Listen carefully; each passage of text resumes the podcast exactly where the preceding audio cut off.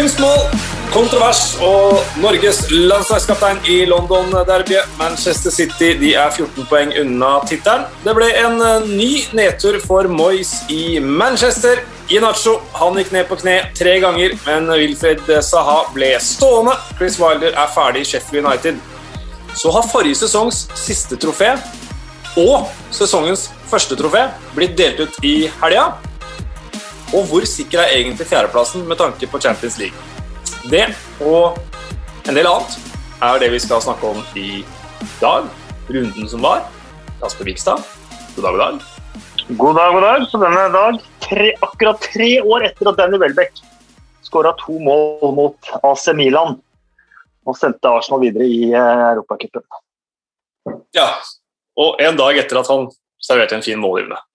Ja, det er ikke hverdag, det heller. Ja, det er ikke hverdag, det heller. Det er nesten sjeldnere. Uh, Per Atle fra fotballens vugge, Storbritannia, Manchester, velkommen. Jo, takk for det. En dag etter at uh, Martin Ødegaard vant London og halve kongeriket. Så nei, det har vært en, en fin helg, det her. Kan begynne med en uh, kjapp ting først her. Adrian Moen Hjertnes spør var det noe feil med episoden som ble lagt ut sist. Ja, det var det. Uh, det var uh, mange feil. En av dem var menneskelig. Det var meg. Uh, jeg sendte nemlig feil intervju av deg, Per Atte, til, til, vår kjære tekniker. Så det er min feil. Alt det andre det vet jeg ikke. Det var tekniske rør. Men vi håper at denne episoden her skal gå smertefritt, og at den kommer ut og alt er bra. Men hvis du hører den, så har den gjort det, så det er jo helt meningsløst å snakke om. men det som er meningsfylt å snakke om, er Nord-London-derbyet. Arsenal-Tottenham 2-1. Lamela med en vanvittig skåring som vi helt sikkert kommer til å snakke mer om. Martin Ødegaard med sin første i Premier League for Arsenal og Lacassette på straffespark. 2-1 til Arsenal. Det var nok å snakke om her. Ja, det er definitivt. Kjør du, Kasper. Nei, Jeg vet ikke helt hvor vi skulle begynne, så jeg var liksom venta på hvor vi skulle begynne. For Du kan enten begynne med Rabonan til uh, Lamela. Um, situasjonen med Kane. Uh, jeg skal begynne med Rabonan til Lamela. Ja, det er jo Mister Rabona selv. Um, ikke på et uh, mål uh, som har behaget meg bedre denne sesongen enn akkurat det. Og du sier det der kommenterte at det er sånne typer mål som gjør deg glad og lykkelig uansett hvem som skårer. At du blir varm om, i magen og varm om hjertet bare av å se det. At du bare plutselig så forsvinner liksom all hverdags uh, trøbbel og problemer og bekymringer i en sånn lykkerus av å se kunst, rett og slett. Um, så uh, for meg så var det uh, Det hadde vært uh, Man kan bare tenke seg hvordan det hadde vært med fullsatt Emirates på plass å få sett det. Men, det å, men likevel, det å, se det på en TV-skjerm foran tomme tribuner, så var det likevel et enormt øyeblikk i denne sesongen, for det var så fett. Jeg kan si at det var, det var Selv om selvfølgelig har den ti ganger bedre med et fullsatt Emirates, så var det ganske sykt eh, med bare noen hundre reportere. Altså, jeg satt jo i, i perfekt vinkel, litt eh, skrått bakfra, eh, og, og så mot, mot venstre når, når Lamela skåra her målet. og Da har jeg på en måte hele langsida foran meg i, i synsvinkelen min, og så har jeg også Lamela. og Når han putter den ballen i mål, og du ser unisont eh, jeg vet ikke, tusen hender som bare går opp mot hodet, og som skjønner hva som skjer. Det var, frysninger. Det var, en, det var en helt vanvittig skåring, og så kjører han jo tunnel på, på party i samme bare, sånn, bare for å legge på litt ekstra. så det men eh, Lamela på godt og vondt da, eh, i den kampen her òg. Eh, markerer 250 kamper for, eh, for Tottenham med den skåringa, og så havner han jo fort ned på jorda andre gangen og blir utvist. Ja, den første taklinga, i og med at vi er inne på Lamela, som eh, vi snakka litt om det, vi møttes etter kommenteringa di, Kasper, om det var et argentinsk hat trick eller hva det var for noe. Var det innbytte, innbytte kunstmål og, og utvisning? Eh, det fins jo noen hat trick der ute av eh, perfekt og Gordie Howe osv. osv. Men den første taklinga Jonathan Hobber, er ikke Lamelias første gule en fantastisk takling? Skjønner snart ingenting av disse fotballreglene. Jeg skriver han. Jo, man går gjennom spiller òg. Eh, ja. Og det er, det er, det første gule. og det er veldig ofte Når det gis to gule, så skal man alltid diskutere det første gule. Det er litt irriterende, for det første gule er gitt. Det er forutsetningen når du spiller videre i matchen, at du har et gult. Mm. Samme om det er rettferdig eller urettferdig. Eh, og hvis det andre gule kortet, det er det som man i så fall må diskutere da, det er ingenting å diskutere. Eh, og José Mourinho etter, eh, etter matchen eh, Han har ingenting å klage på dommeren. Eh, det er min soleklare mening. Han kan se seg selv i speilet. han kom sju poeng foran Arsenal. hadde ikke dette vært et derby, så hadde det vært en Champions League-kandidat mot et midt på tabellen-lag hvor ett av lagene skulle vært en soleklar favoritt. Et Tottenham som kom i, i, god form, et Tottenham som egentlig burde kommet til Emirates, tatt kontroll av spillet og, og angrepet med eh, Son, Lucas Mora, Gareth Bale, eh, Harry Kane i, i toppform. I stedet så kommer han eh, uten i det hele tatt ville prøve å låne kula en gang. Første gang ekstremt passiv. Eh, og det ble, ikke, det ble, ikke, bedring på det Tottenham prøvde på, før de var ti mann og lå, lå under. Og da så man jo faktisk hva de kunne være i stand til å gjøre. Eh, straffen, helt grei. Det andre gule kortet, helt greit. Eh, og begynne å snakke om dommeren og ha fokus på dommeren i en kamp hvor eh, hans egen eh, negative inngang til kampen ødela for Tottenham, eh, det er en distraksjon, og det er min venn. Er den distraksjonen straffen helt grei? Helt grei. Eh, det, det, som gjør at, det som gjør at den diskuteres, er jo det at det på mange måter er kutyme Eh, at hvis du slipper ball, hvis du kommer til et innlegg, hvis du får avslutteren sånn, og blir tatt etterpå, så blåser ofte ikke dommere. Har, sånn har det vært i 100 år, og det har jeg alltid stilt meg helt uforstående til. Eh, sånn for Arsenals del, eh, som jeg husker best, det er jo David Ospina som omtrent dreper en fyr etter, etter at ballen har, eh, har gått Var det mot Leicester, må tro? Ikke straffe fordi at eh, avslutningen har kommet. Men det er ikke sånn at man bare kan måke ned måke ned motspillere fordi eh, motspilleren ikke har ballen eller bommer på ballen, eller hva han gjør. Eh, den straffa den er helt grei. Eh, og det skriver både Clattenberg og Mark Colsey skriver at eh, man kan forstå at man kan diskutere hvis man får den straffa mot seg, men ikke sjanse i havet for at den skulle bli omgjort på VAR eh, etterpå. Helt grei straffe. Han blir tatt. han bommer på Lacassette bommer på ballen. Og det setter Davison Sanchez i trøbbel, han går rett inn i kroppen og tar Lacassette etterpå. Helt greit å blåse. Jeg syns det er mer at uh, Davison Sanchez prøver å blokkere og så sparker Lacassette, men greit nok, det er, uh, jeg ser det er delte meninger blant, uh, blant, de fleste på den der, faktisk. Så jeg er ikke ja, men hva, hvis du, hva, hvis du, feller en fyr Hvis ja, du kommer med ballen hvis du kommer, Jo, men hør, da. Hvis du kommer med ballen, du spiller ballen foran deg, skal sparke ballen, og så blir du takla så du sparker inn i den som takler, eh, som ikke er nær ballen. Det er aldri noen som vil diskutere om det er straffe eller ikke. Det er er, jeg, jeg kan ikke si 'sparker inn i'. Jeg syns ikke det er det samme. Så, ikke Marino noen ting å klage på. Jeg får, avgjøre, jeg får avgjøre herfra og si meg enig med, med Kasper. Jeg syns det straffe. Og jeg synes, eh, altså, Måten Davidsson Sjanseth går inn på der, og det er så fryktelig rotete, det er så klønete. Det ser så uryddig ut, og jeg synes det er helt greit å gi straffe. Og, og, som Kasper er inne på, det er ingen clear and obvious mistake fra Oliver, så den, den, straffen står jeg helt, helt enig i. Og så um, For øvrig, da, når har José Mourinho tatt sjølkritikk etter en kamp? Har vi, har vi, hørt det før? Altså etter, etter kampen i går så sto han jo til Sky og lurte på om Michael Oliver var, var trøtt, og om, han sa også at hans, hans store spillere gjemte seg. Så um, det er litt interessant å høre Mourinho på sidelinja der, og spesielt i første omgang, for da var Tottenham de var, de var, så dårlig. Men det, det, det, er ikke så mye konstruktivt som kommer fra, fra sidelinja eller den tekniske sonen til Mourinho. Det er liksom Boys! Fucking hell! Fucking hell! Boys! Det er det, det som går på, på repeat. Så nei, Tottenham skuffer igjen også i en storkamp. Det, det skjedde tidligere i denne sesongen at de litt sånn feig i tilnærminga synes jeg, til, til sånne oppgjør. Så mot Liverpool eh, tidligere og blant annet la seg bakpå og hadde vel 20 av 25 eh, av ballen i den kampen, så nei, feigt.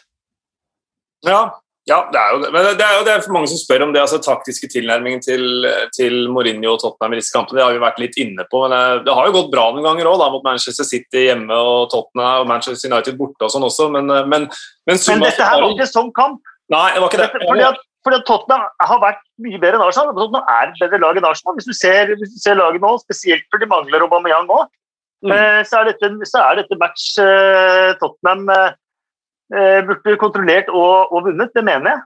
Mm. De mangla Aubameyang. Du var der, Peratte. Fikk du noe klart svar på det? Rapporten i ettertid sier at han kom for seint. Ja, de første, første, rapportene som kom, var, var at han hadde klippet håret. Og brutt smittevernreglene på, på, den måten. Men så er det som du sier, at i senere tid så, så har det blitt sagt at han, at han kom for sent til et spillemøte på, på kampdag, og at det var, var årsaken. Men det har jo aldri blitt 100% bekrefta, det blir det jo sikkert ikke fra, fra Arsenals side heller, så det blir jo spekulasjoner. Men han har jo, han har jo vært ute i hardt vær tidligere denne sesongen her òg, med, med tatovering og, og, den biten der, når de egentlig skulle ha vært i, i karantene. Så, så, det er vel helt riktig og helt greit av Ariteta å statuere et uh, eksempel der. Mm. Spesielt når det er kaptein i tillegg.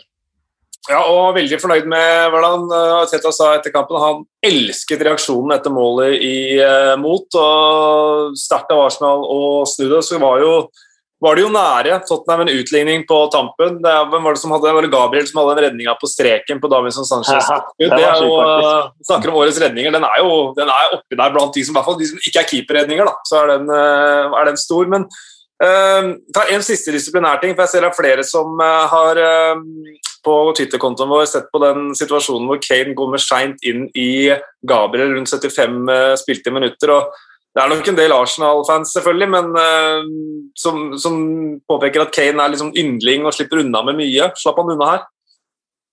Ja, slapp unna et frispark mot og et, i hvert fall et gult kort. da. Ja. Eh, og det er jo antakeligvis for at eh, dommerteamet ikke, ikke, så det. Og så hisser man seg ekstra opp over det fordi det har vært en del eh, tvilsomme situasjoner med Harry Kane. Eh, med tanke på hvordan gå inn i kroppen på spillere. Samtidig så må man også huske at en av Harry Kanes oppgaver er å gjøre det ukomfortabelt for eh, forsvarsspillere. En av hans oppgaver er at, å gjøre Eh, midtstoppere litt, til å tenke seg om det lille tid eller ekstra da, før mm. de går inn i duellen. Kanskje frykte litt for både tenner og, og nese. og Det er en del av, del av, spillet. og Så er det opp til dommeren å, å håndheve reglene. Men um, pent var det ikke. Uh, rødt kort var det heller ikke. Nei, og Da kan ikke VAR gå inn, for VAR går ikke inn og tar gule kort. Ja, et par ting på slutten i den kampen. Tottenham har nå mista 45 poeng etter å ha leda mot Arsenal siden 1992. Merker at jeg sa 1992, ikke Premier League. Men det går motsatt vei òg, gjør det ikke det? At eh, Arsenal tapte haug av poeng etter å ha leda de òg. Jeg tror dette er eneste oppgjøret hvor eh, det laget som har skåra først, har færre seire. Ja, der kan du se. Lacassette med tre i strake hjemme mot uh, Tottenham. Det var uh, Nord-London-derby. Arsenal Nei, var det det? Skal vi ikke nevne Martin Ødegaard engang? Jo, det må vi. Jeg tenkte jeg skulle la dere se, se om, jeg, om, om, om, vi klarte å slippe unna, Martin. Det gjorde vi ikke. altså, altså, altså, Han imponerte meg helt voldsomt i går, altså Martin Ødegaard. Den, den rollen han har tatt i, i det Arsenal-laget der på, på, kort tid. Um, og for dem da, som skrev jeg på Twitter i går, og for dem som lurer på om det bor en kaptein i, Martin Ødegaard, så er i hvert fall mitt soleklare svar på det ja. Uh, for i sitt første Nord-London-derby så var han, han var helt sjef ute på banen. Han, han styrte hele eh, presslinja til, til, Arsenal. Han eh, dirigerte spillerne rundt seg. Han kjefta, han, han smalt og han, han, eh, han sprang. og han, han, viser at han er ikke redd for å, for å gå inn og, og, ta plass, og så, så leverer han som han gjør i tillegg. Var, var banens beste, beste i går for, for min del. Fikk, fikk også åtte av ti på på børsen til The Times i dag, eh, blant annet. Og den, den, uka, den, uka, han har lagt bak seg nå, det tror jeg nok er en uke han, eh, han kommer til å huske på. Meget imponert i hvert fall av det han leverte i går. Året til Mad of the Match i Daily Mirror også i spillebørsen deres. Mm. Så hørte, jeg, du du snakka med en, Per Atle. Han sa, at han sa at han hadde trent på de situasjonene hvor han scora. Ja. Det er jo er ikke noe kjempeavslutning, så det spørs hvor god den treninga egentlig var. Men det var bedre enn den mot Olympiakos. Ja. Kanskje en bare har trent på å treffe ballen. Ja. Det er godt å si, men uh, i golden satt han er faktisk uh, Det er kun tre spillere før han tror jeg, som har skåra i sitt uh, første Nord-London-derby i selskap med bl.a. Niklas Bentner. Ja. Så det er et, et, kjekt selskap å være i for, for Martin Ødegaard. Men det er jo kult, da. Eh, sånn som han, eh, sånn som han leverer nå, og den plassen han tar. og jeg, jeg, ser fort for meg at eh, Arsenal har veldig lyst til å gjøre den avtalen permanent i sommer, om en, om en fortsetter i det sporet her. Og så er det Rosenborg og bettingreklame på boksershortsen om et par år. Ja, selvfølgelig. det hadde vært stort, faktisk. Han man må først få en adelstittel. Lord er opptatt, så han var ja. grev Ødegård eller noe. da. Uh, Count, Count Ødegård. Uh, noe sånt noe. Uh, vi tar turen til Themsens bredd. Fulle av Manchester City lørdag kveld 03. John Stones Gabriel Jesus og Sergio Aguero med tre mål i starten av den andre omgangen, som avgjorde den kampen. Fulham 0, Manchester City 3. Eh, Parker ba, ba guttene sine være modige, vise mot, og så var det mm, personlige feil som ødela, men Manchester City totalt sett eh, desidert beste laget. De er nå 14 poeng unna en ny ligatittel. Og de har gjort syv bytter, en formasjonsendring, like gode game over sånn tittelmessig. Ehm, hva sitter eh, dere igjen med etter denne kampen? Du sier at uh, Scott Parker sa at guttene skal være modige. Jeg synes Det modigste med, med, med Fulham og Scott Parker er at han tør uh, å dra på seg den jakka der igjen. Altså at, han, at, han, får pust i 90 minutter i den tighte Exit-jakka der, det, det, forstår ikke jeg, men, men Fulham Det koster den, Per Atle. Hæ? Det koster den jakka, tror du? Nei, jeg tror det er sikkert en månedslønn for meg. den, ser, ikke billig ut, i hvert fall, men kanskje skal han koste på seg en størrelse større. men eh, altså Fulham eh, City, er jo, eh, City er jo City, men Fulham gjør ikke enkelt for seg sjøl heller. Da. Eh, gir, jo, gir jo bort eh, et par, et par skåringer her, og da da taper man mot, eh, mot, Manchester City, og Manchester City vinner jo serien. Det er jo ikke noe tvil om det. Så, det er noe å si Game of Stones? Game of, Stones, Game of Stones, ja.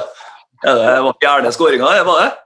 Ja, det har vært, uh, vært, bra. Men det er, det er det, som, det, er det som, er, som, skiller Manchester City fra, fra, fra, konkurrentene, er jo det at de faktisk har reelt to elvere som er prikk like gode. Mm. Uh, og Det gjør jo at Pep Guardiola gjør fra fem til syv endringer på laget hver eneste match. Europa, Premier League, alt.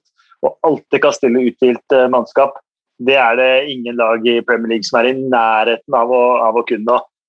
Der føler jeg en stor del av de 14 eh, poengene de er, eh, de er foran, det bunner ut i at han kan stille fresh hver eneste gang. Mm.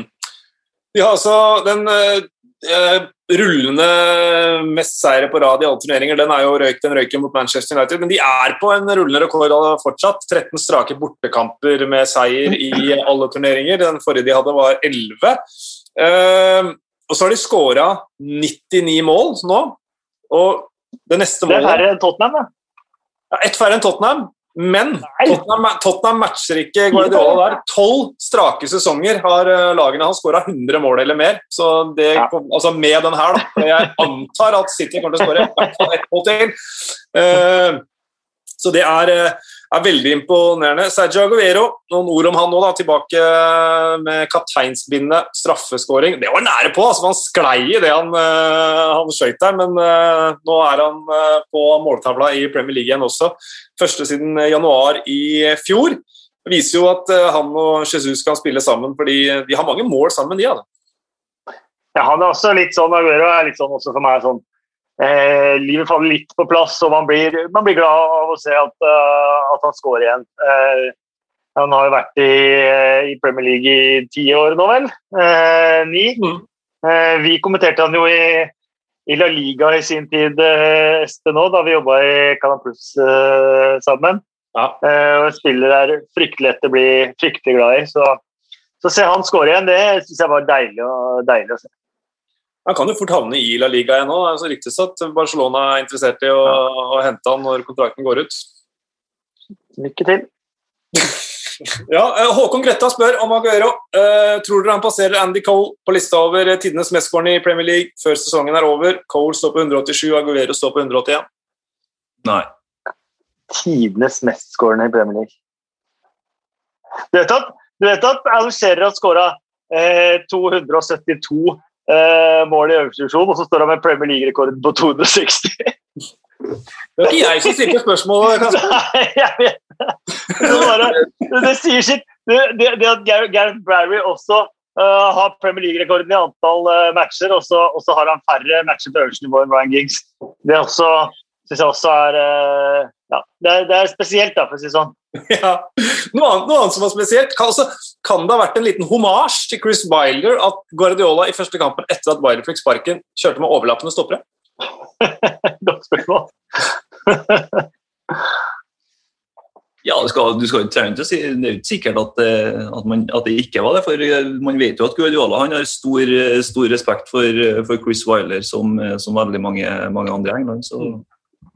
Ja, for Han skrøt jo av både Wilder, Potter, Parker. Uh, det hørtes nesten ut som et slags band eller et uh, rim. Uh, men før kampen Guardiola. Men Fulham, som har gått sterkt, nå har de vel, er det to poeng de har opp til Newcastle. så Trøsten for dem er jo at Brighton og Newcastle møtes i den kampen de har uh, til gode. så Fulham ser fortsatt ut som det laget under streken som uh, kan klare seg, og har god grunn til å ha tro på å klare seg. Og jeg syns jo også førsteomgangen av Scott Parker uh, Det virka som han Jeg skal ikke snakke så mye mer om det, merker jeg. jeg framstår som fotballekspert når jeg ikke er det. Men jeg synes det var sånn, rent taktisk at han altså, Selv om eh, Guardiola kom med det laget, og så hørte Parker på forhånd bare ah, jeg vet ikke helt hva som, det der skjønner jeg ikke helt altså, men matcha den ganske bra. Ja, Det var egentlig my two cents. Ja, og med Josh Maya på benken og skader og sånt, så var det bra gjort. Ja, husk på at Josh Maja han frelser ingen. Uh, Manchester United mot eh, Fantastiske Bordeaux, da. Ja, helt enormt. Helt enormt. Han kunne, han kunne, hatt et trofé, han nå, men det kommer vi tilbake til. Uh, Manchester United mot uh, Westham på Søndag kveld 1-0. Craig Dawson med selvmål. Uh, altså Westham har da truffet tverrliggere og stenger og sånt noe flest ganger. De har skåra mest på dødball. Craig Dawson har skåra mest av forsvarsspillere sammen med Stones, tror jeg. Og så får de smake sin egen medisin ved at Manchester United treffer stengen og Craig Dawson skårer selvmål. Jeg vet ikke om det var noe særlig poeng, men jeg bare følte at det lå et eller annet der, men jeg klarte ikke helt å få det ut. Nei, jeg synes det er verdt å Nå er det verdt å kritisere David Moyes eh, litt, i hvert fall. Fordi jeg ser at det er Westham-supporter som, som, eh, som, sier at dette er jo Det er litt dette som gjør at David Moyes kanskje ikke er Han er mannen til å ta dem hit, men ikke lenger, på mange måter. Eh, og igjen så er det de kommer til Old Trafford med en unik mulighet. De har spillere som har vist før at de kan gjøre det skikkelig skikkelig ubehagelig for, for de beste lagene i Michael Antonio, Sosek, fysisk sterke spillere, i tillegg til at de har teknikere som eh, Lanzini og andre. De har stål og ryggrad som Dawson og, og Declan Rice. De har, de har, et lag som ikke trenger å føle seg helt lillebror når de kommer på de store arenaene. Mm. Eh, og så stiller David Moyes dem opp til et lag som eh, eh, helt åpenbart er for å få eh, ett poeng, og så mislykkes med, med det òg. Eh, Istedenfor å gi det et forsøk. Jeg det er ikke sikkert at de hadde tatt poeng med, med, å gi det et forsøk, men jeg tror faktisk sjansen har vært større både for tre og ett poeng om de, om de, hadde gått for det. og Det hadde vært en, en mulighet til å gå for det, og han kommer med også spillere som har masse selvtillit etter masse gode opplevelser. Mm. Eh, og da syns jeg det er litt, det er litt, eh, litt, skuffende at man da velger å ta et steg tilbake istedenfor å plassere seg fram i skoa. da. Ja, jeg synes Det var litt overraskende for, mot Manchester City for noen uker siden. Synes jeg De fremsto på en helt annen måte. Det kan ikke bare være fordi Jesse Lingard ikke spilte. Det er, eh, Nei, men det er litt, Jeg tror det er litt den følelsen å ha noe å tape òg, da. At ja. Manchester City er der de er, og her har vi ingenting å tape, liksom. Mm. Eh, Manchester United, oi, kamp om eh, fjerdeplassen. Min tidligere arbeidsgiver, her har jeg aldri fikk vist noen ting. Eh, all den historikken. Her er masse å tape, plutselig. Her skal mm. jeg komme som en eh, kløktig eh, Forsvare seg til ett poeng. Eh, grand old man-type som, som, som, bare blir Som ikke funker. Mm. Han var skuffa etterpå. Han følte at de hadde, kunne, han, han følte at de hadde muligheten til å komme og lage, lage et bra show. Det, det, var, eh, det var en stusslig forestilling sånn sett. Ja. Show er ikke det første jeg tenker på når jeg reiser meg i den kampen. her. Altså. Da måtte dere slippe inn 1-0 tidlig. Da kunne dere kanskje eller, ja. Hva med Manchester United, da? De uh, har nå det er faktisk første gang de vinner to på rappen siden uh, årsskiftet. Da hadde de tre seire på rad i, i Premier League mot uh, Wolverhampton Villa og Burnley. Men uh, de har ikke klart å sette sammen en rekke. Det gjør de nå. Nå synes vel uh, topp fire ganske sikkert, om ikke spikra, Per Atle. Ja, det begynner, det begynner, å nærme seg nå. Nå er de eh, seks poeng foran eh, Chelsea på, på fjerdeplassen her og har ni ned til Westham, selv om Westham har én kamp eh, mindre spilt. Så det, det, ser bra ut for, for Solskjær og co. Nå havna jo jeg litt i offside på den matchen her i går, for jeg satt jo på toget hjem fra, fra London, så jeg fikk ikke Det er så bra nett på toget i England, er det ikke det? Natter generelt i England jeg tror ikke de, de, er ikke glad, de er ikke glad i internett, de er ikke glad i telefonlinjer. Sånn kommunikasjonsgreier det vil ikke de ha noe med å gjøre. Eh, sånn er her, men, men, uansett så registrerer jeg i hvert fall at uh, Manchester United klarer å holde nullen da, i, faktisk i fire Premier League-kamper på rad for uh, første gang på, på, tre år. Sist det skjedde var under Mourinho i slutten av 2017 og starten på, på 2018. Så det, så det, er jo noe å ta med seg for, for Solskjær, selv om det ikke virka som det gikk på skinner offensivt eh, mot Westham i går, så gjør de på en måte det de skal. De tar, de tar tre poeng og de, de trygger litt den, den, plassen sin på tabellen, selv om Leicester da er, er hakk i hæl. Men, men, det kan jo faktisk være at, eh, at eh, at de må eh, ha de poengene her, og at det ikke holder med topp fire, men faktisk at det er topp tre som er gjeldende. Så jeg tror det, det er bra for United å bare vinne så mye som overhodet mulig. For det er mye som kan skje i den kampen om, om Champions League. Ja, når du er inne på det uh, Vi kan bare ta det med en gang. fordi det er, Jeg snakka om det i Eller skal vi ta det etterpå? Nei, eller sånn, vi, vi tar det nå. Fin overgang. Fin overgang. Fordi vi skal ha Leicester også. Nydelig overgang, Pratle. Nå er du sterk. Uh, uh, jo, Manchester City de vinner jo, så de kommer til Champions League. Den er grei. Uh, Manchester United kan jo komme til Champions League via det her, eller Europa League. og så har du Leicester og Westham som må ta det gjennom Premier League. Men så har vi et scenario nå hvor Chelsea, Liverpool, Tottenham og Arsenal alle er med i henholdsvis Champions League og Europa League. Så følgende scenario kan skje. Sesongen er slutt. Manchester City har vunnet. Manchester United er på andreplass. Leicester Du gjør dette her fryktelig innvikla Nei, nei, nei! nei. La ham fortsette. Ja, jo, jo. Leicester eller Westham er på fjerdeplass. Da er Premier League-sesongen slutt. Og så er det Champions League-finale mellom Chelsea og Liverpool, og det er Europaligafinale mellom Arsenal og Tottenham. Det betyr at den som har kommet på tredjeplass da, hvis det er Leicester eller Westham, ikke når Champions League, fordi det er ikke lov med mer enn fem lag fra én nasjon. Var det fjerdeplass, mente du? Ja. ja, det ble Imikland og jeg eh, surra meg av gårde her, ja. Man kan jo egentlig bare si det at Hvis Liverpool ikke havner topp fire og vinner Champions League, og Arsenal og Tottenham ikke havner topp fire og vinner Europa League, så får ikke fjerdeplassen eh, Champions League. Det er, ikke, det, er så, det er, ikke, så, enkelt, for du glemte Chelsea. Se, vi glemmer noe alltid. Eh, begge glemte noe. Du må ta med Chelsea også. Ja, eller Chelsea. Ja, ja, bare et av de engelske lagene. Ja. Eh, som ikke havner eh, topp fire, vinner Champions League og, og, og Europaligaen, så, så vil jo ikke fjerdeplassen få, eh, få Champions League-spill neste sesong. Vi har jo, vi har jo havna i den situasjonen et par ganger før. Eh, ja. Og Det var noe av det som gjorde at man utvida den grensa. og Også var det da Chelsea vant uh, Champions League og Tottenham ikke kom til uh, Champions League. Typisk at det skulle ramme dem. Det ville vært nesten like typisk som det skulle ramme Westham nå. Ja. Det er litt sånn uturslag som, uh, som alltid havner oppi noe, noe, noe tull og tøys og har uflaks hvis de kan ha uflaks. Men sånn nyere historie så tenker jeg det var enda mer typisk om det var Leicester, da, som var eh, en Vardy-heading-centimeter fra å nå Champions League forrige sesong, og så kommer de på fjerdeplass i år, og så ryker de på det.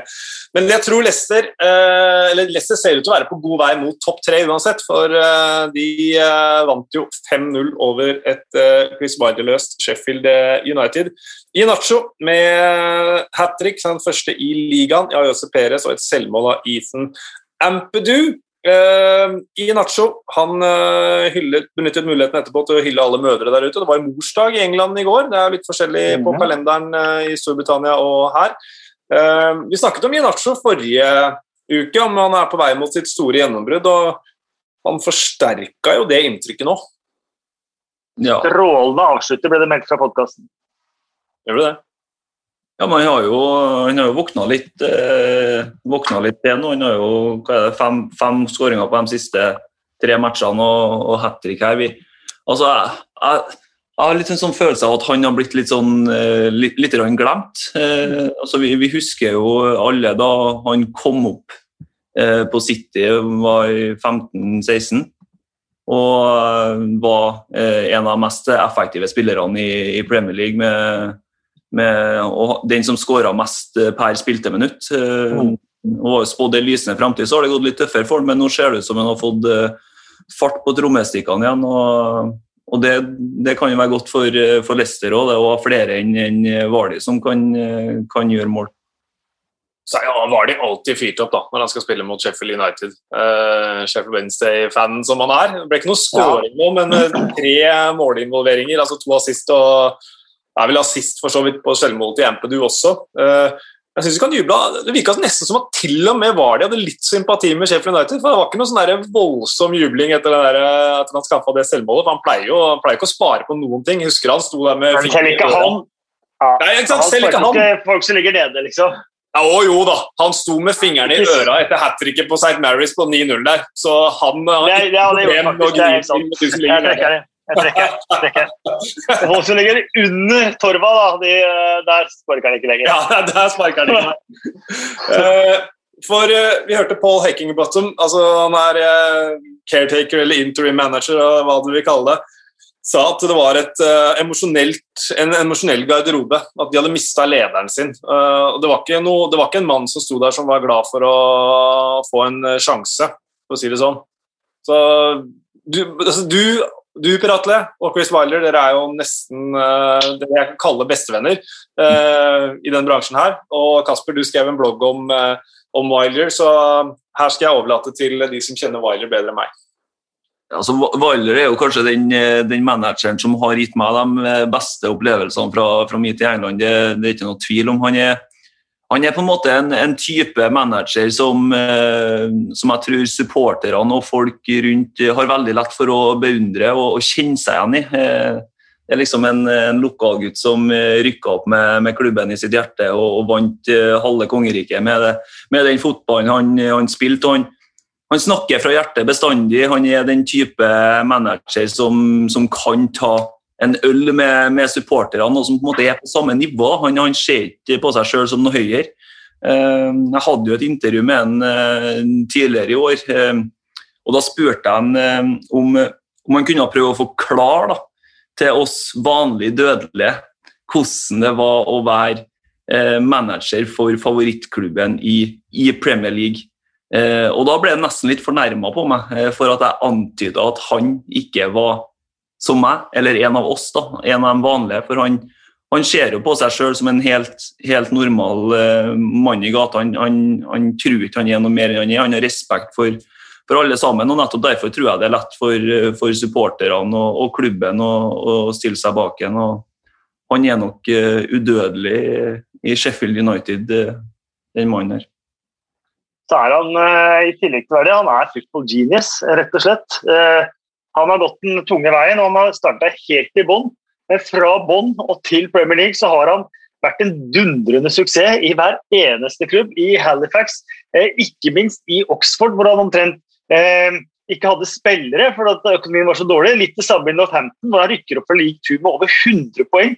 Eh, Sheffield United som var langt inn i eh, middelhavsfarernes rike som en eh, midt på tabellenklubb i League One som har ta rett opp i championship. Og to sesonger i championship til opprykk i Premier League hvor han ypper seg lenge, nesten som han snakker topp fire. Det er helt uhørt, eh, det han har gjort eh, i managerkarrieren eh, sin. Og, og, det er fordi han heter Chris Wilder, ser litt ut som han gjør og snakker litt som han gjør. Som kanskje er begrensninger for en del engelske managere med, med å få de aller mest glamorøse, glamorøse jobbene. Men jeg skulle gjerne kanskje sett han prøve seg der òg, så er det ikke noe garanti for at, eh, for at det vil vært en suksess. Men CV-en hans tyder på at han ville lykkes med så å si enhver klubb han hadde, hadde vært i. Han har vel, han vel rykka opp uh, fra alle nivåer i England, har ikke helt fra mm. conference og så opp til Premier League. Ja. Han har vært gjennom alt, alle de leddene. Og De spillerne han har tatt med seg opp i Premier League og gjort Premier League-spillere, er jo League One og Championship-middelmådigheter, stort, stort, sett. Og de som har vært ryggraden i klubben, som har levd hele liv eh, på lavere nivåer. Og så er, så er, det jo ingen tvil om det han har bomma på. Da. Det er jo det når eh, Premier League-pengene har kommet og man har blåst penger på Ream Brewster og Ollie McBurney og, og, og, offensive spillere som skulle produsere framover. Der, der, der, har han ikke lykkes. Så det har vært litt av konflikten med ledelsen i klubben også, med tanke på ansettelse av sportsdirektør som kanskje kunne ha et eh, større overblikk på overgangsmarkedet. Det vil ikke en type som Chris eh, Wilder. og Kanskje var det der eh, konflikten ble for stor når resultatene ikke kom. Mm. Veldig spennende å se Chris Wilders neste jobb. Hva, det er selvfølgelig et spørsmål som kommer litt ut av det blå, men hva, hvilken klubb kan man se for seg at han dukker opp i nå?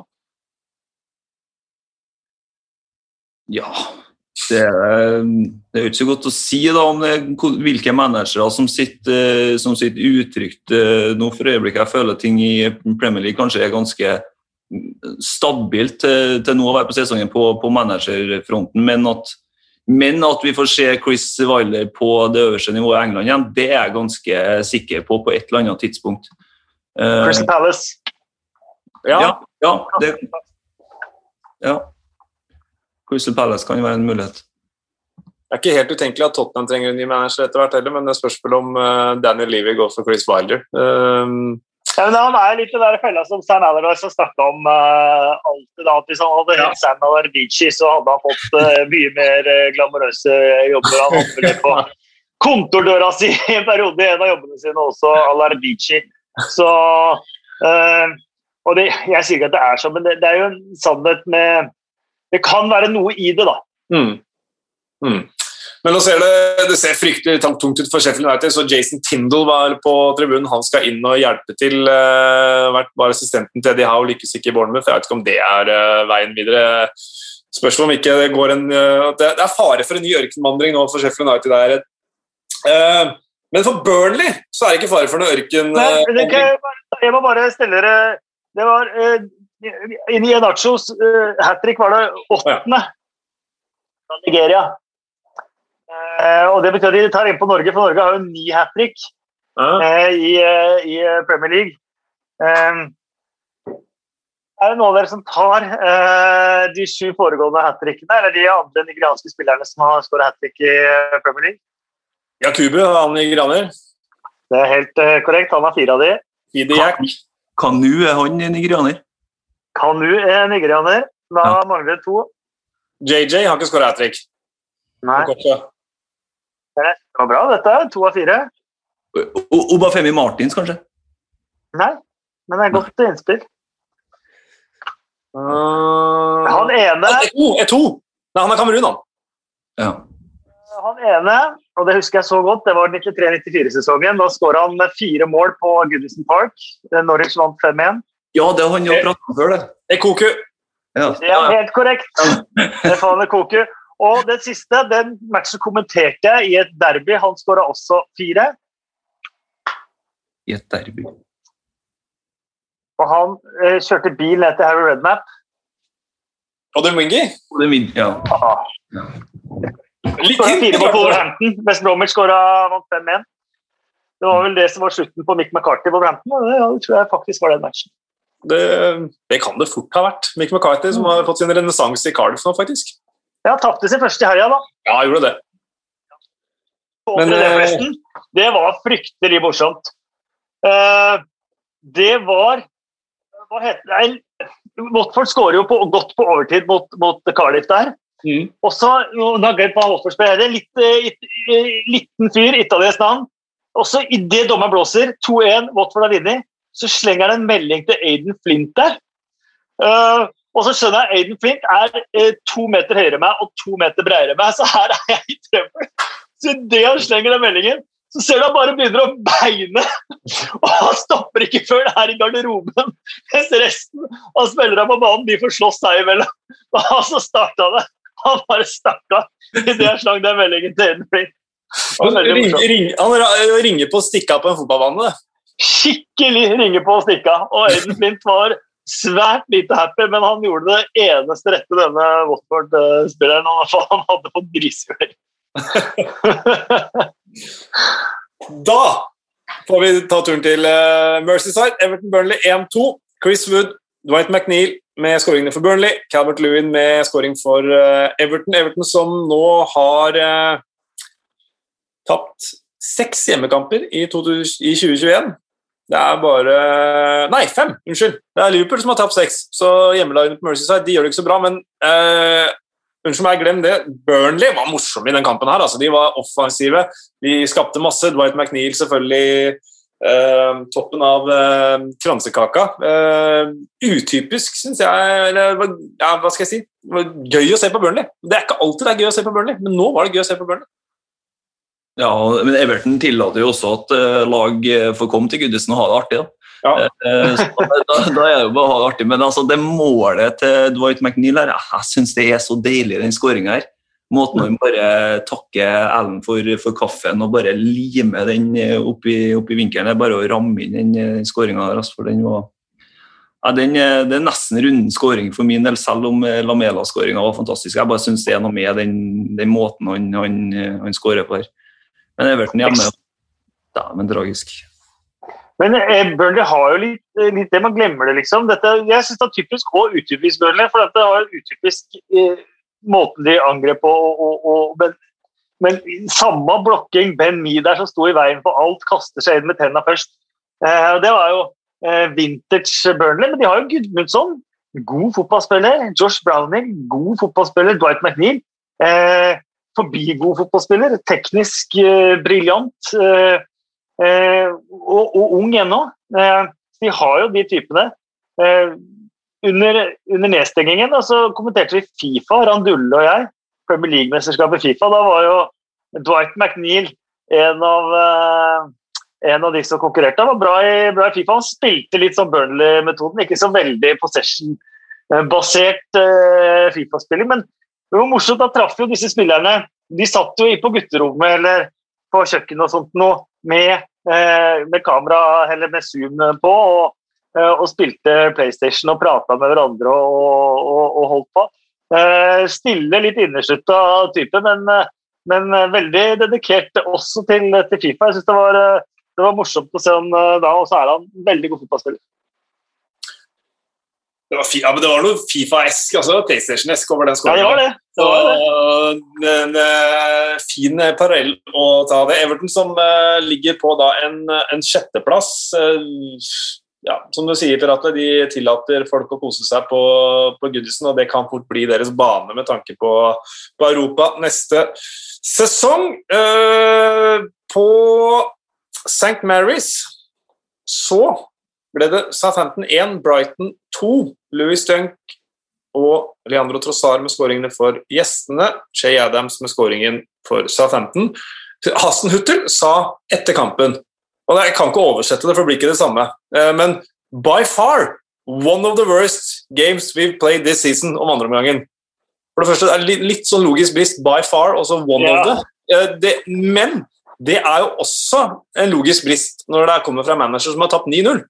Uh, at det var en av de verste, selv om den kampen på Old Trafford bra, Jeg skal ikke gå inn på den, den hadde forutsetningene, men allikevel. Uh, på, den annen, på, den annen, side, tross alt, endelig fikk vi som fortjent i Brighton, som uh, skapte masse sjanser, og nå klarte de også å skåre mål. Det er kanskje kampen oppsummert, men har du ja. Eh, jeg fikk litt sånn eh, Barcelona-vibba på det. Barcelona anno 2009-2010 på det andre målet til, ja. til Brighton der. Det var, det var en nydelig skåring. Og så er jeg også imp veldig imponert over den headinga til Louis Dunk. For den er, den er vanskelig å utføre. Er, han, han så langt ut i, i 16-meteren og må liksom tilbake og hente ballen, og så får han den kraften i, i headinga. Slam dunk. Ja, jeg likte ja, den koste jeg meg med, faktisk. oi, oi, oi. Jeg kommer til å bruke kommenteringa di. Ja, jeg får prøve på det. Uh, neste gang Det blir slam dunk, ja. Han har, han har, fem, han har 20 ligamål for Brighton. 15 av dem med hodet. Han burde jo egentlig hatt 16, da, men eh, den kampen uh, det er det frisparket. Så vi kan bekrefte at Louis Dunk har skåra et mål, dere. Uh, og Pascal Gross han har nå 20 Premier League-assist. Det betyr at han er den fjerde tyskeren som kommer opp på det antallet, altså 20. De tre andre, hvem er det? Skal jeg kjøre quiz tilbake? Mikael Ballack? Nei. Nei. Øsil? Ja. ja. ja. Uh. Gundogan? Nei. Begge har spilt i Manchester City, de to siste. Tror jeg. Leroy Sané? Ja. Nå er jeg litt usikker på han siste, om han bare faktisk har spilt i City. Jeg bare så for meg han. Jeg tror kanskje ikke han har det, men han, han har i hvert fall spilt i Newcastle. Men det var ikke der han var, det, det var ikke der Premier League-karrieren var størst, liksom. Hvor var han størst, da? Liverpool. Ja, har man? Ja. Har han spilt i City? Ja. Han har det! Ja, jeg Jeg tenker han har det. Ja, jeg tenker også han har det. Jeg vet ikke om han har det, men jeg tenker han har spilt i City. det. Ja. Typisk at han har spilt i City. Uh, Premier League- Nå kan vi ta Premier League-historien. Uh, Premier League-historiens lengste nese. ja, ja. Nå prøvde jeg å tenke på andre grep, men det kom jeg ikke på, så da sier vi det. Slam dunk til uh, Haman der. Eh, så blir det en eh, ja, Det var veldig viktig for Brighton. Da har de tre poengs klaring ned til eh, Fulham under eh, streken. Og du var inne på det, møtet Newcastle.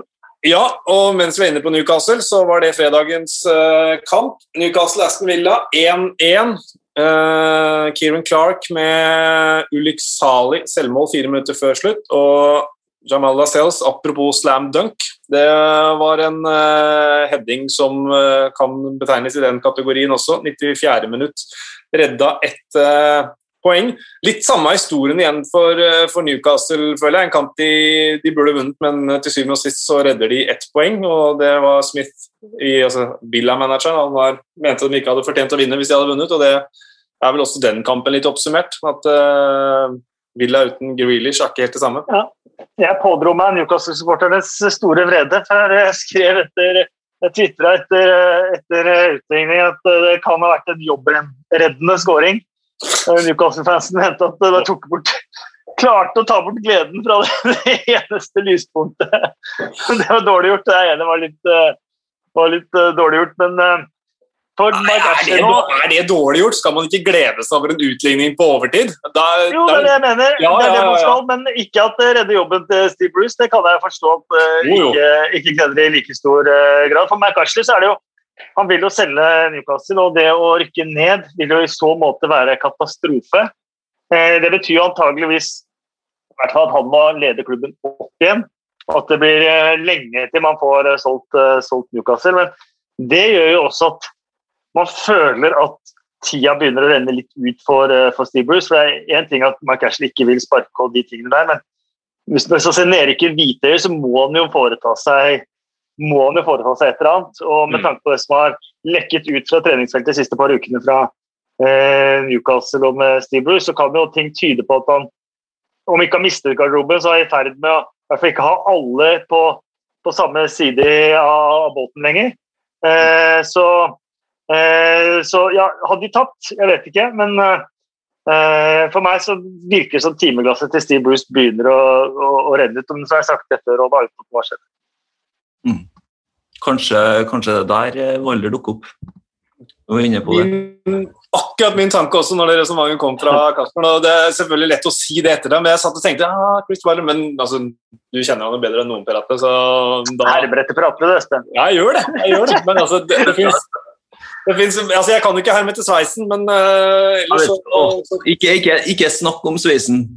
Nei, nei, nei. Høre.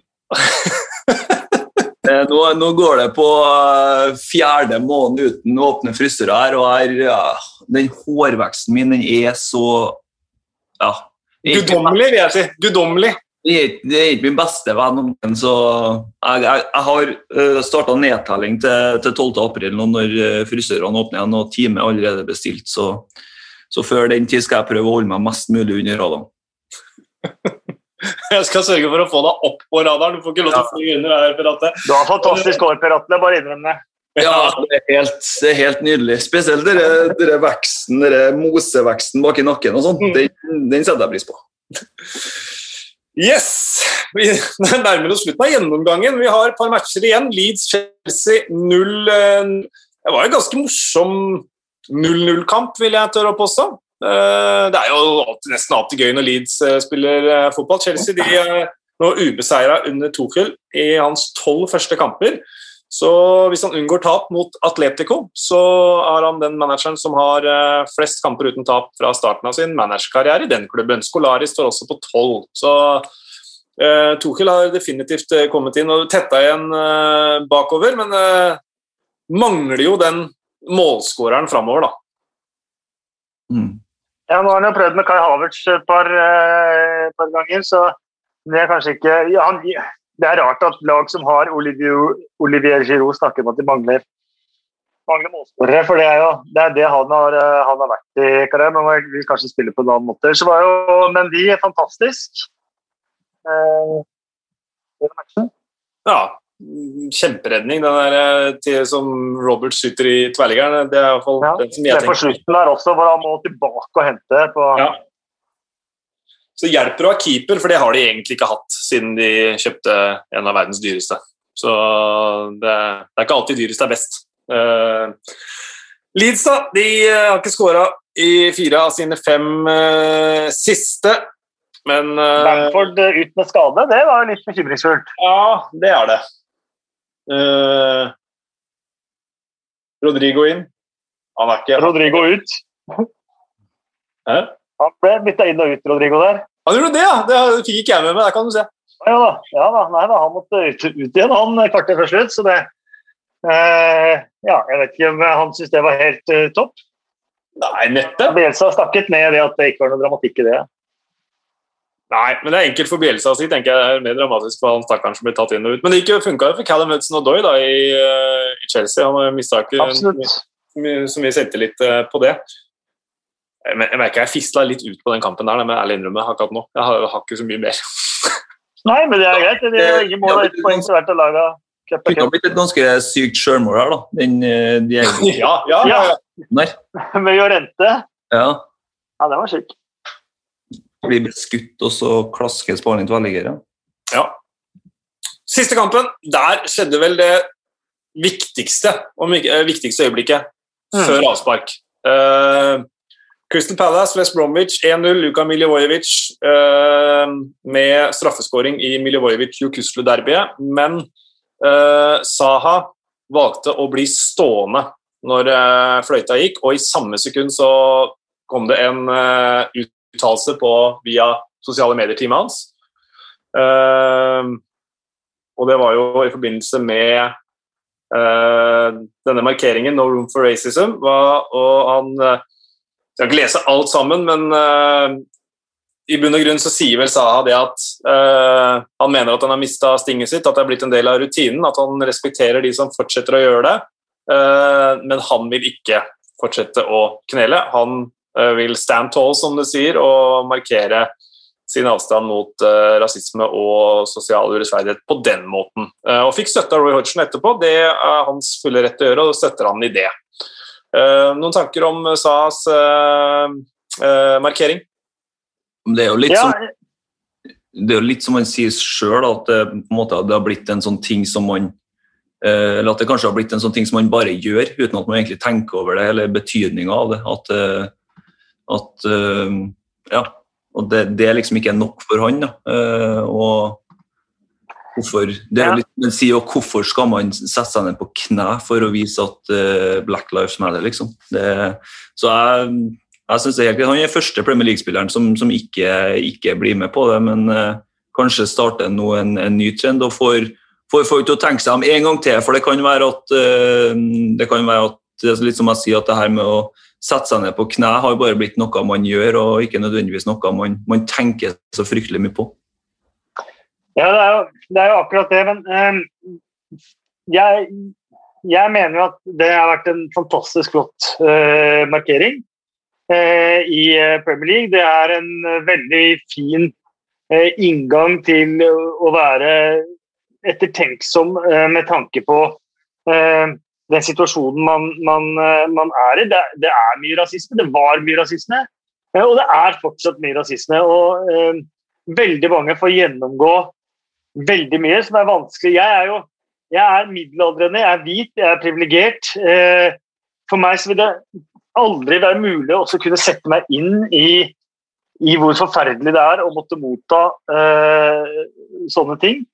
Eh, og Det har vært et problem for Saha, selvsagt. At, at samme hvor mange ganger man har satt seg på kne eller, eller noe altså, flommer jo sosiale mediene hans over med, med rasisme, med, med, hets, med sjikane. eh, som han ikke får bukt med. Eh, så Sånn sett var det en veldig fin markering å stå oppreist, og de får det jo på agendaen igjen.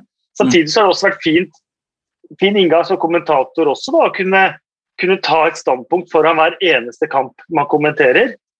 Eh, og kunne få sendt et budskap foran hver eneste kamp man kommenterer. Eh, og sitte i, i, sofaen og se på en kamp. Eh, og, og, og, og, få det budskapet hver eneste gang du skal se på en fotballkamp. Og få innprentet det, det budskapet. Og, også Det er lett å tenke når man De som støyer mest, er ofte eh, de som er lengst ute, da. Eh, mens majoriteten er jo folk som er antirasister, er folk som er reflekterte. For meg er det å være politisk korrekt det er en hedersbetegnelse. Og de aller fleste de tenker, eh, de, tenker de fornuftige tingene eh, rundt eh, trakassering, rundt rasisme, eh, rundt mangfold, rundt eh, inkludering. Og det er majoriteten. Eh, og så er det minoriteten som ofte får oppmerksomheten fordi at det er så enorm støy rundt det de driver med på sosiale medier eller andre steder.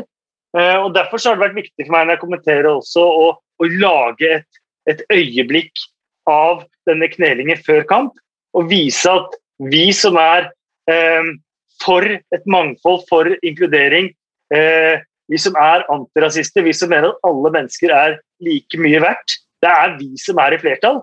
Eh, det er vi eh, som har definisjonsmakten. Eh, de som gå på tvers av det, det er mindretallet, selv om det ofte er de som lager støy. Um, og Derfor syns jeg den markeringen har vært veldig viktig. Jeg syns den er veldig viktig. Uh, men samtidig så er det, som Saha sier, det er ekstremt viktig å respektere Sahas avgjørelse. Uh, ta Sahas ord inn over seg, det han sier, både om det han opplever og om markeringen og alt annet. Uh, og respektere det, og respektere også de som vil fortsette å ha denne markeringen. Mm. Godt sagt. Hør, hør. Støtter uh, det 100 uh, Kasper. Kampen!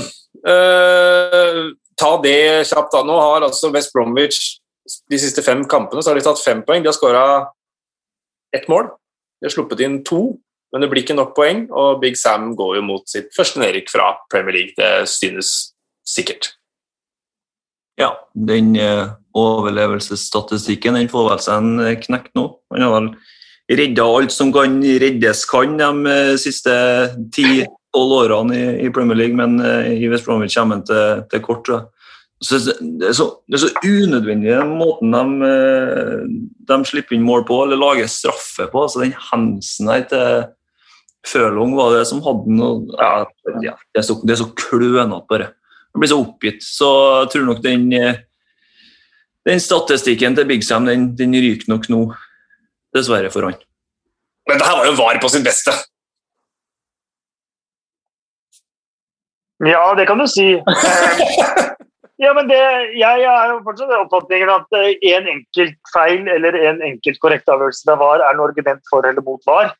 Nei, nei, nei, det, er jo, det, er jo, emosjonen som er Ja, og så er det mange som dommer av tidligere dommere og, og, andre som mener at dommere har slutta litt å dømme fordi at de lener seg på VAR.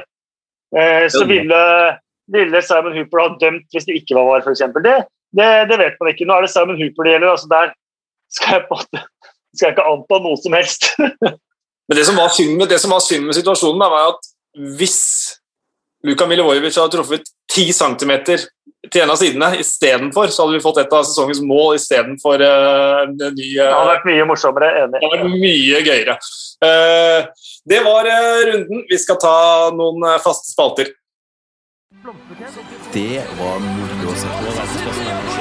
Morata var kjempegod. Hva i all verden? Han snakka ikke om seg sjæl, han snakka om dommeren. I de faste Spaltene de uh, må vi jo uh, ta. Skal vi begynne med um, øyeblikket denne gangen her, da? Det må jo være Saha som jeg har ja. av et enormt øyeblikk i denne sesongens, når denne sesongens historie skal fortelles. Ja, det er uh, vedtatt. Helt enig.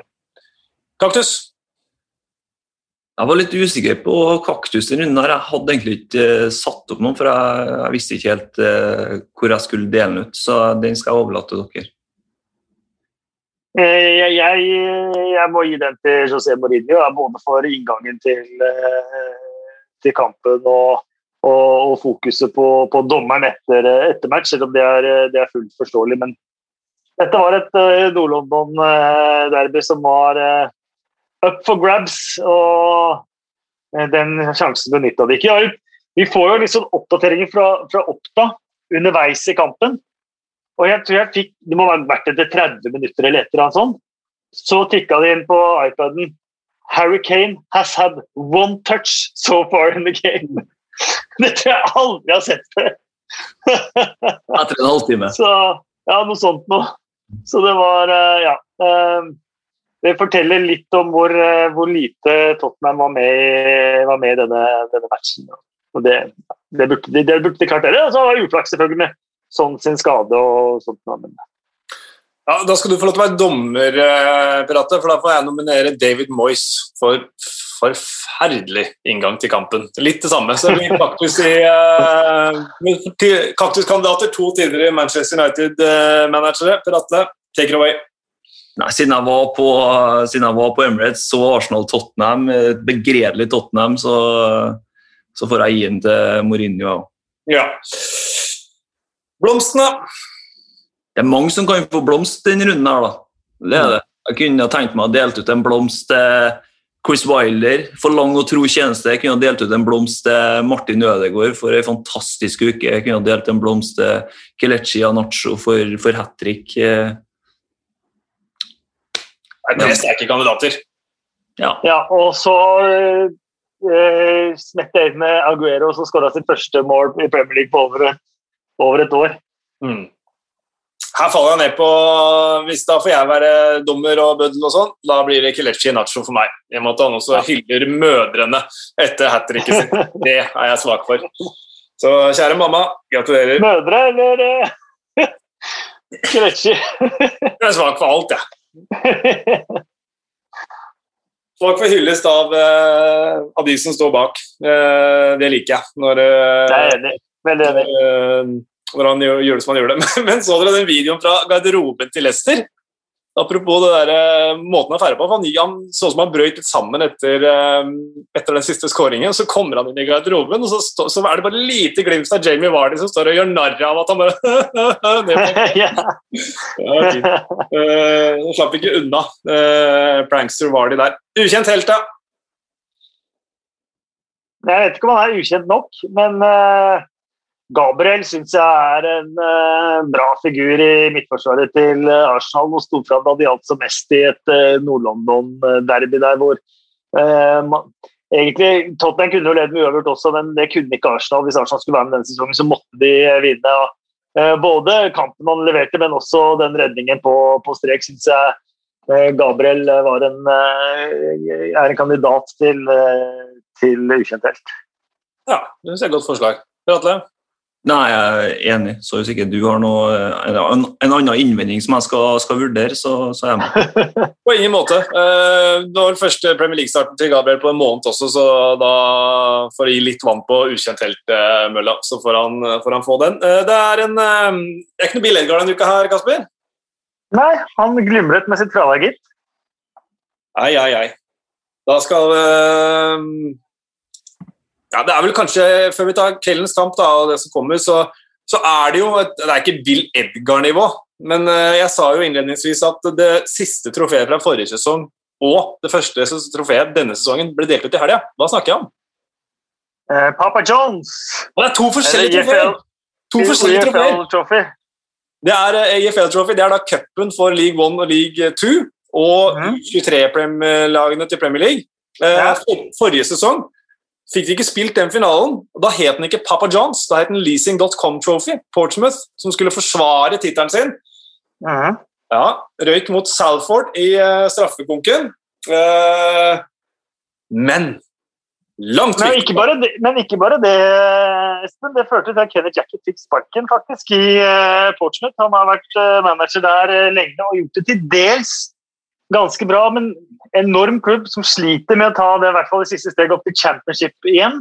Mm. Og etter tapet der så, så var tålmodigheten brukt opp med Kenny, Kenny Jack. Og nå tror jeg du, selv om det ikke var bevisst, så lagde du en kjempebro til eh, neste poeng. Fordi eh, det er en annen stor klubb som driver og sliter nede i League One, men som nå begynner å røre på seg. Det er jo selvfølgelig Sunderland, og de slo jo også Portsmouth i uka som var. eh, som sikkert var bidragsgivende til at, eh, at Kenny Jacket fikk sparken. Men på søndag, altså, etter syv strake tap på Wembley, reiser Sunderland ned til hovedstaden for å møte Tranmere i Papa Johns Trophy. Vinner 1-0. Endelig kom seieren. Hvordan tror dere Sunderland-fansen feira den tittelen der? Alle med sosial distanse på hver sin team Teams og en eh, Klaus-taler hvor man eh, skålet gjennom eh, Teams-skjermene. Ja, det stiller jeg meg svært tvilende til, men en, en, en helt konkret ting er at Papa Johns i Sunderland var utsolgt for pizza et par timer etter trofeet var sikra. Så alle dro til Papa Johns, som for, også for anledningen var omdømt til Papa Lees etter Lee Johnson. Så uh, det går lysere tider i uh, nordøst, i hvert fall hvis det er søndag Sunderland det er snakk om. men Kanskje litt tyngre ute ved, eller litt lenger inne på metroen. Men Nå får jeg bare skyte at jeg synes det er litt synd vi ikke har Papa Johns i Norge, for jeg syns Papa Johns er god pizza. ja, Så Papa Johnsen i Manchester er helt eh, overlegen, Per Atle. Aldri smakt den, faktisk. Ikke jeg. Tenk på det. Tenk på det. Papa Johns eller Papa Lees, alt ettersom. Vi, uh, New York Rangers gjør også tung Papa Johns. eh, ting. en kamp i kveld. Wolverhampton mot uh, Liverpool. Eh, Leif Inge N. Brekke spør er Liverpool avhengig av å vinne Champions League for å sikre Europacup neste sesong. Nei, vi vil ikke gå så langt, men de er kanskje avhengig av å vinne Champions League for å spille Champions League. Ja. Det, det tror jeg. Eh, De er jo fortsatt eh, med i kampen om en Europa League-plass, men eh, Og de er med i kampen om Europa Conference League-plass. ja, det kommer også nå, Det var ikke galt med det. Det kan være at Liverpool blir den første representanten fra England i Europe, Europa Conference League. Og da etter hvert kan smykke seg som eh, den eneste vinneren av det trofeet om de skulle vinne første sesongen. Det vil være en stor fjær i hatten for Europa Conference League om de fikk med Liverpool i Ja, ja. Altså. Større fjær i hatten for Uefa enn Liverpool. Uh, derom hersker ingen tvil. Uh, det blir jo Diogo Jota tilbake på sin uh, gamle hjemmebane. Den er klokka ni i uh, kveld. Noen tanker om hvordan dere tror den ender? eh, Jeg har noen tanker om kampen, hvis jeg får lov til å komme med det. Selvfølgelig. For jeg tror dette var den siste, siste Premier League-kampen eh, jeg var på og kommenterte onsite. Tror jeg var Wolverhampton-Liverpool eh, forrige sesong, sammen med Brede Hangeland. Det var altså eh, kanskje den kampen jeg var på med best atmosfære som jeg kan huske de siste par sesongene. Det var et vanvittig lurveleven og kok på Molyneux. Smekkfullt, selvfølgelig. Akkurat som alt skal være i forbindelse med en, eh, en fotballkamp. Det var så, det var så høyt volum på supporterne i perioder at eh, Brede og jeg omtrent måtte rope for å høre hverandre. og vi kommenterte. Wolverhampton klart best. Den sesongen Liverpool hadde forrige sesong, de vant selvsagt. Mm. Eh, null stress, ikke tenk på det. Eh, og at det skulle bli et sånt fjernt minne, at det skulle bli, gå over et år eh, til neste gang man skulle kommentere en Premier League-kamp i England eh, åh, Jeg vet jeg høres ut som en bortskjemt drittunge nå, men eh, eh, skikkelig eh, stort, stort eh, savn når jeg tenker på det. Jeg kan legge ut et klipp eller to fra, fra kommentatorplassen på Instagrammen min på storyen der, eh, der etterpå som savn. Den, så den kampen her det vekka litt Jeg så det, leste den kampen i morges og, og sånt, og ble sånn ah, Ja, fader heller, så fint Brede jeg hadde det på den turen der, altså. Mm. Du var jo på Wolves-drakta di i dag også, jeg prater med. Ja, det er ikke, det er ikke langt unna, for jeg kjører oransje i dag. Eh, jeg snakka jo faktisk med en Jeg har jo laga en sak for den kampen her med en eh, ganske artig eh, Wolverhampton-supporter, Ashley Monstein. Jeg vet ikke om dere har hørt om han? Nei. Eh, For han eh, var litt stor på, på Twitter i fjor høst. Eh, Han er jo Wolverhampton-supporter eh, på sin hals. Og han gikk ut på Twitter før England skulle spille treningskamp mot Wales. Og så sa han at uh, hvis Conor Cody skårer, så skal han over ansiktet til Conor Cody på, på, foten.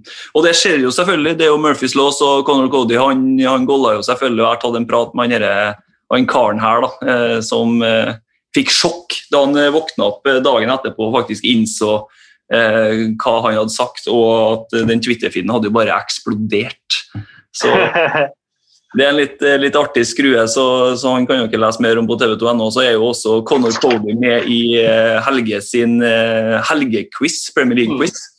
Um, der han også får, får, spørsmål om det her, så det anbefaler jeg å, å ta en titt på før matchen.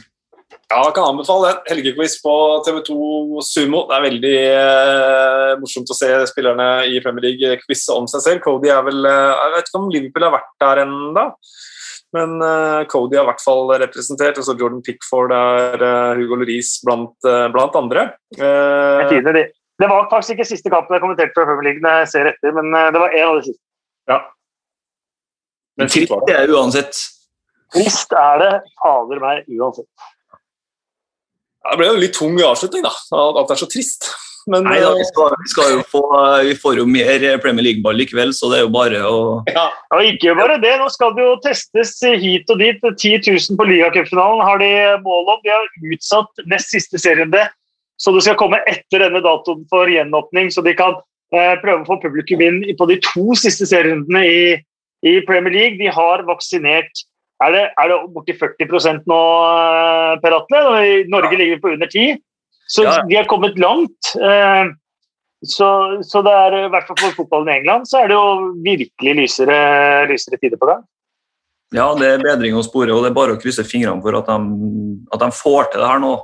Eh, at vi faktisk får en opp. Det har vært veldig kult å få testa som de var inne på på, på ligacupen. Og så fans på de siste rundene i Premier League. Jeg skulle ha gjort mye i hvert fall for å få med meg noen tusen på, på tribunen. her, for det, det, er trist uten fansen, så å få tilbake dem det har vært, eh, vært en deilig opptur på, på, tampen av sesongen. Da ble det en litt opptur på slutten allikevel. Det liker jeg. Uh, ja. ja! Tusen takk til uh, Moderne Media, som hjelper oss å produsere denne podkasten. Gå inn på hva blir det? Der du hører podkast, og Apple, og gi oss stjerner og ris og ros på Twitter. Kjenner eh, den drillen der. Per Atle, takk for at du beæret oss med ditt nærvær atter en gang. Takk for at jeg fikk eh, være i deres nærvær atter en gang. og Kasper, fra loftet på Lilletøyen, alltid gøy. Veldig hyggelig. Takk for at du lytter.